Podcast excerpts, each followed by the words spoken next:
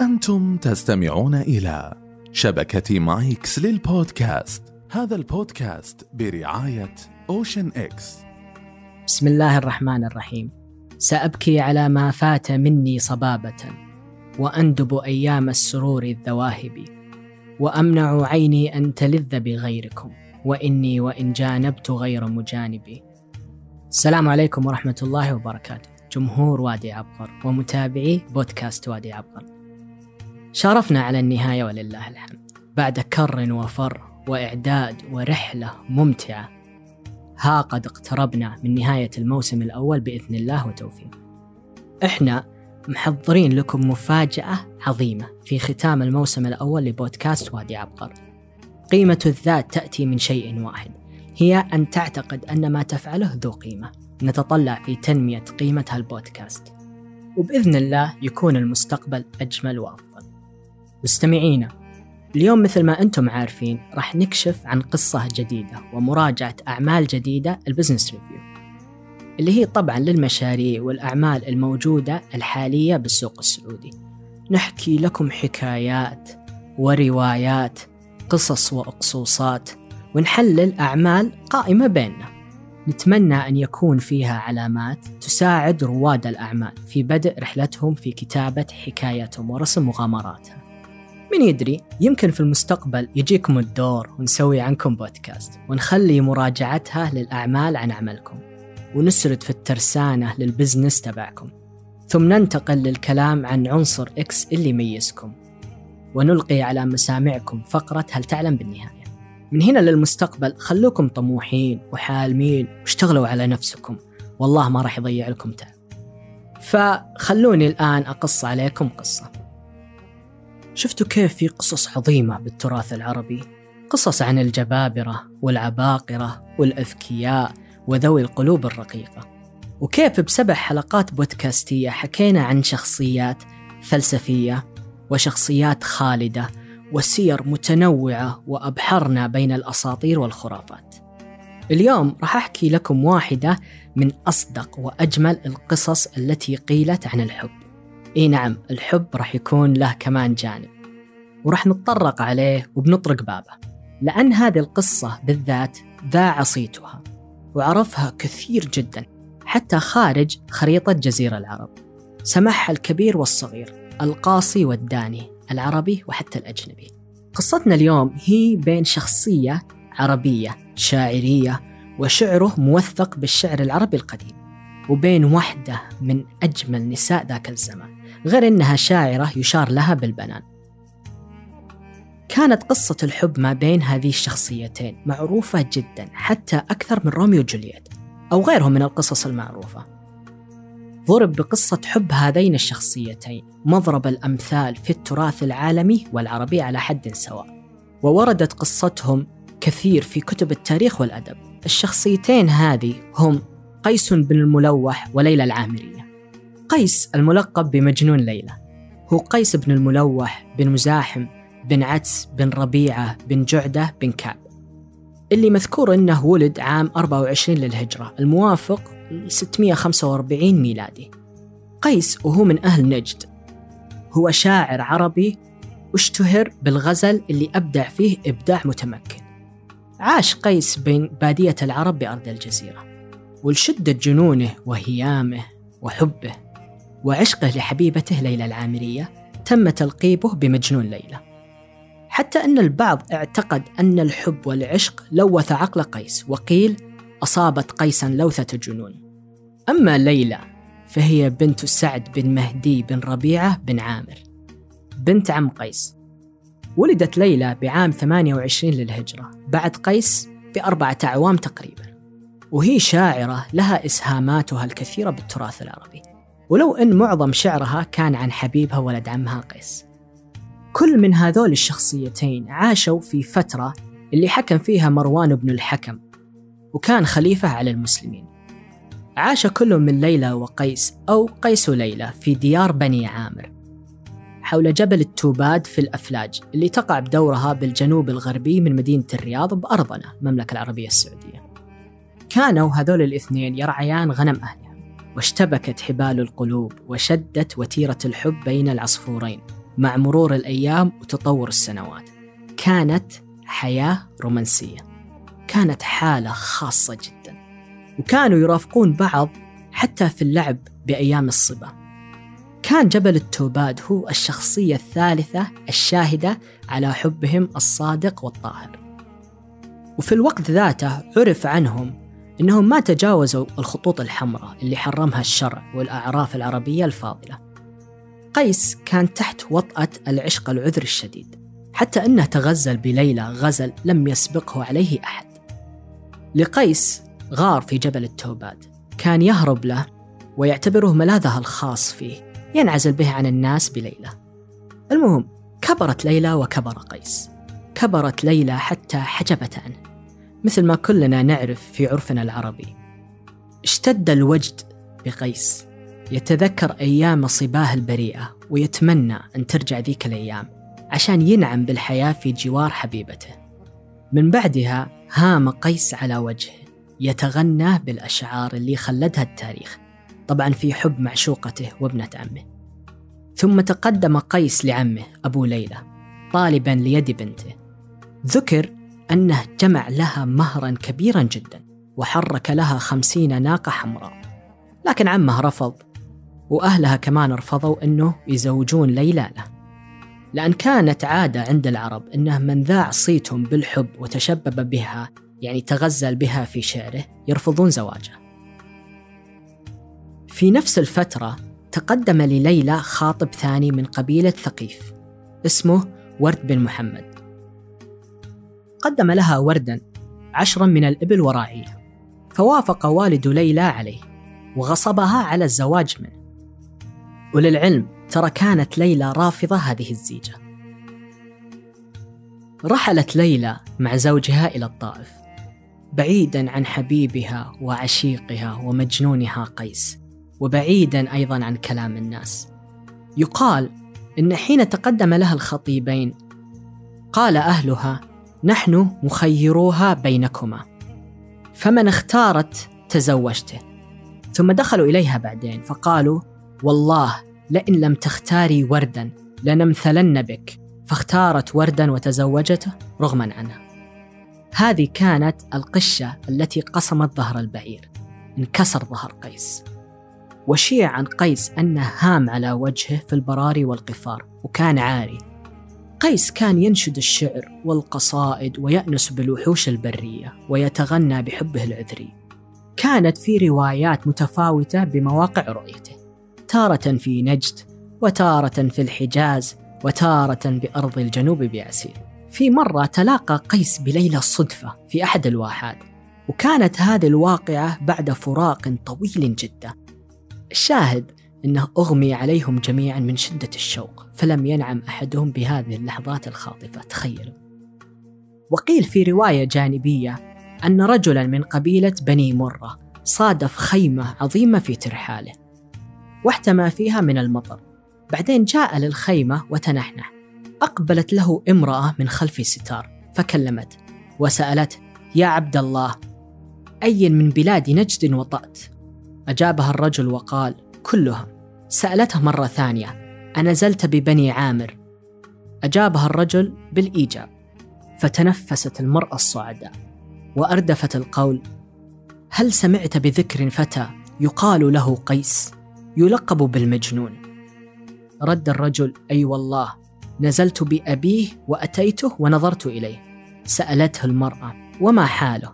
أجابها الرجل يهيم في تلك الفياض ويكون مع الوحوش.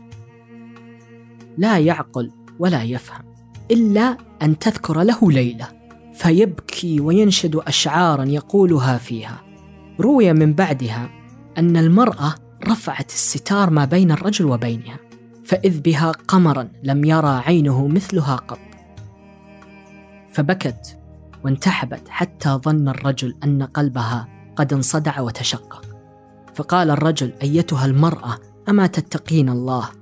ومكثت طويلا على تلك الحال من البكاء. ثم قالت المرأة أيا ليت شعري والخطوب كثيرة متى رحل قيس مستقل فراجع.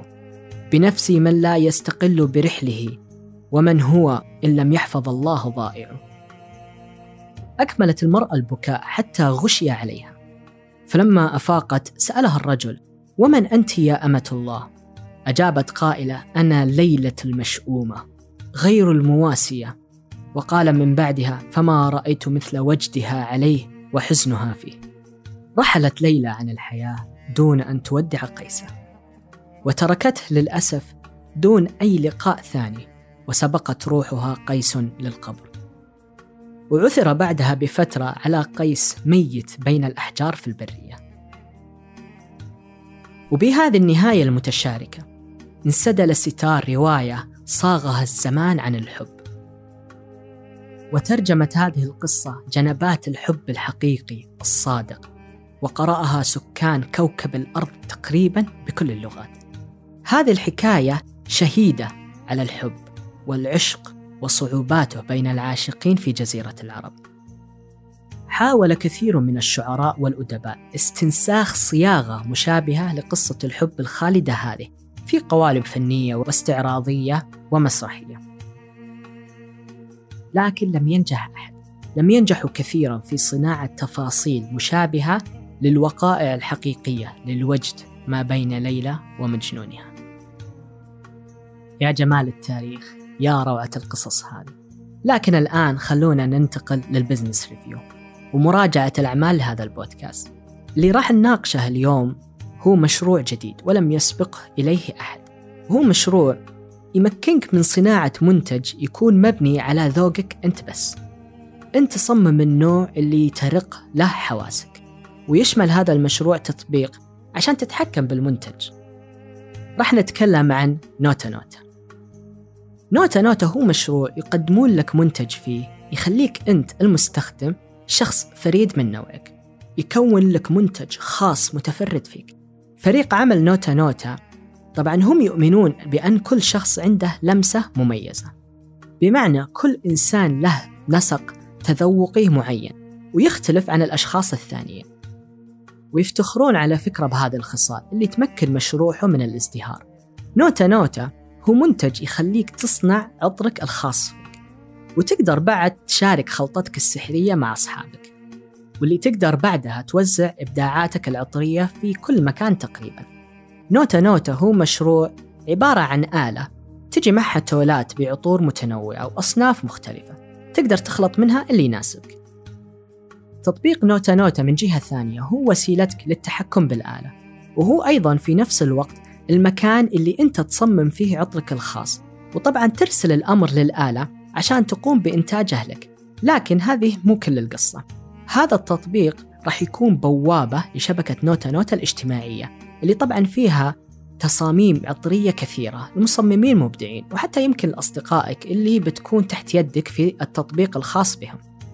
ليش هذا المشروع مميز؟ طيب الحين راح نتحدث عنه بإسهاب أكثر. أعزائي المستمعين والمستمعات راح نتكلم بالترسانة الخاصة بنوتا نوتا. أولا الحافز صح. مو شيء متواجد بالمشروع مباشرة أي نعم لكن خلوني بقولكم. بعام 2013 ميلادي كان المؤسس الأستاذ عبد الله باهبري مهتم بتقنية 3D printing وكان يدور عن شيء مشابه يكون مربوط فيه سوقنا السعودي. ففكر وقام يطور كيف إنه ممكن يصنع منتج قريب لاهتماماته هذه. بعدها بحوالي سنة قابل رجل إيطالي واللي كان صاحب محل عطور.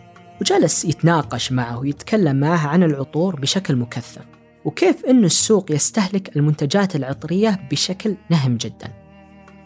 طبعا من بعدها ربط عبد الله العطور بشغفه الأولي تقنية 3D printing وأنتج لنا منتج عبقري جدا يستحق الإشادة عليه. بدأ من حافز شوفوا كيف في شيء هو يحبه واشتغل عليه وركز على تطويره. رائع. ثانيا تقدر تبتكر عطرك الخاص فيك عن طريق خلط 12 تولة في عبوة 5 مليلتر. تخيل عاد النوتا نوتا راح يسمح لك بإنتاج أكثر من 500 مليون عطر فطموح نوتا نوتا إنها تقدر على إنتاج عدد لا نهائي من العطور واللي طبعا راح يتم بمساعدة مستخدمينها. ولا تنسى أن بعد كل مرة أحد يقوم بخلط نوتاتك تظهر لك عدد المرات اللي تم إنتاج فيها منتجك. ثالثا. وانت جالس تتفنن عن طريق التطبيق وتخلط عطور جديدة بناء على ذائقتك نوتة نوتة راح تحتفظ بحقوق عطرك الخاص فيك وتثبته باسمك وبروفايلك. ولا راح يقدر أحد يخلطها إلا من حسابك. يعني لو ابتكرت عطر في أحد مبتكره قبلك البرنامج راح يرفض يسجل هالابتكار باسمك وراح يعلمك في نفس الوقت مين صاحب الابتكار الرئيسي. أما الآن فننتقل إلى عناصر X عنصر ال X الأول. لا يمكن التحكم بالجهاز إلا من خلال التطبيق. يعني كل شيء راح يتم عن طريق التطبيق الخاص بنوتا نوتا. وهذه نقطة تعطينا أن الفئة المستهدفة هم فئة لهم علم بكيفية استخدام التقنية. وطبعا الإيمان بإنترنت الأشياء Internet of Things. واللي بالمناسبة ترى هو شيء جديد برز مؤخرا في عالم الإنترنت. يعني إن الأشياء اللي تعودنا على استخدامها تقوم الشركات بربطها بالإنترنت عشان تقدم خدمات جديدة وراح تطور من المعلومات هذه. ببساطة يعني كذا إنترنت الأشياء هو العالم اللي بدأنا نعيش فيه.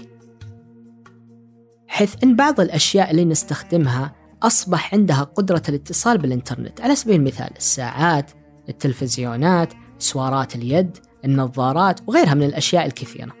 على فكرة ترى هالعلم راح يكون هو المستقبل فلذلك استثمروا فيه. عنصر إكس ثاني. تقدر أنت تحدد الوقت اللي يصنع فيه عطرك الخاص عن طريق التطبيق.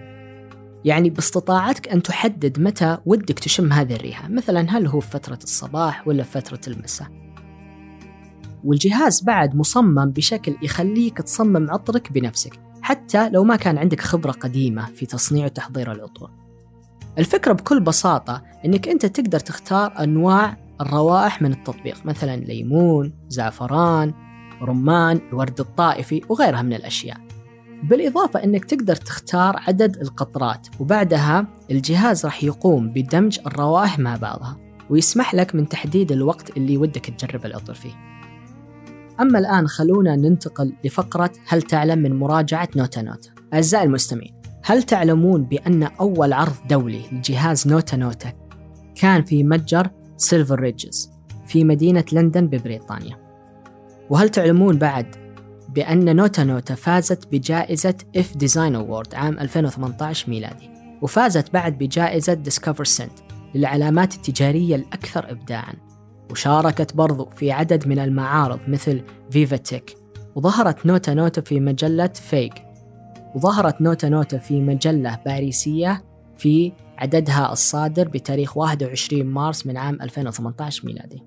هل تعلم أخي وفي تاريخ شبه الجزيرة العربية كانت الأسواق موسمية مثل ما تحدثنا سابقا في بودكاست سابق. يعني إذا انفض سوق دومة الجندل الذي يقع حاليا في منطقة الجوف شمال المملكة العربية السعودية يعني على حدود الشام. ابتدى من بعده سوق آخر اللي هو سوق هجر بالبحرين. عموما في اتصالهما في بلاد فارس والهند كان يأتي الطيب محملا على قوافل كسرى وكانت من أهم ما فيها خشب العود. القوافل هذه ترجع ملأة بالبضائع والتمور ولا ننسى شهرة مكة المكرمة بعطورها وسوق عكاظ اللي اشتهر بالغالي من الطيب والعطور. وهذا يعني الفكرة منها إنه يعكس لك ولع العرب بالعطور.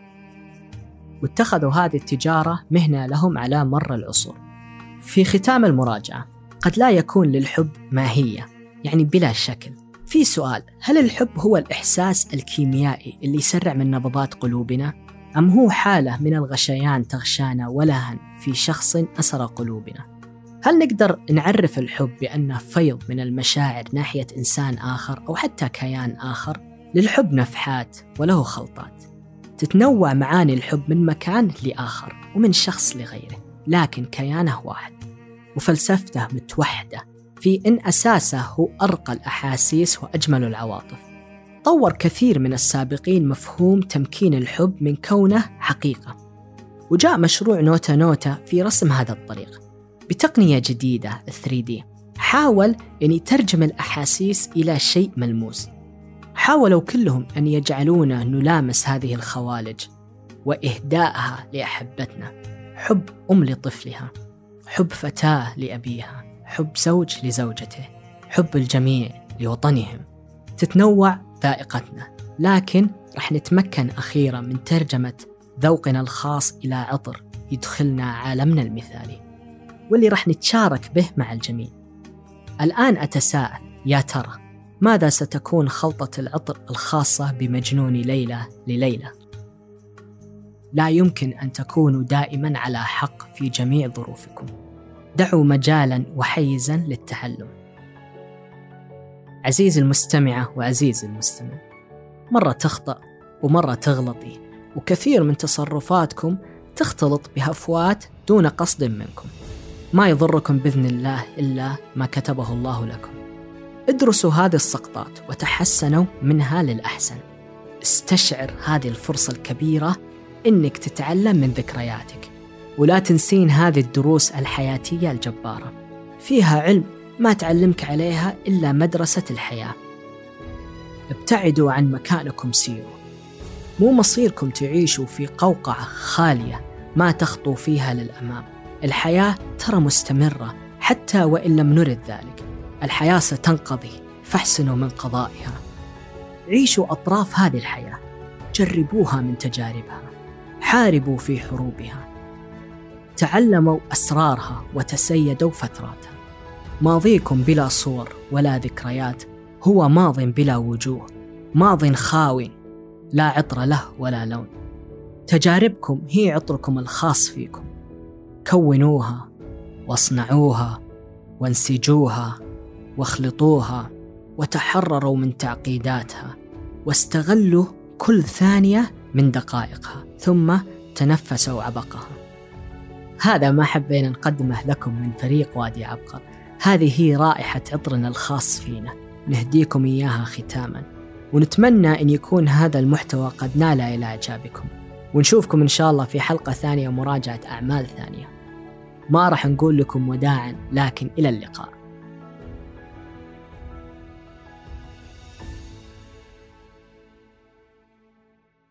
هذا البودكاست برعاية Ocean X. مايكس صديقك المفضل الجديد.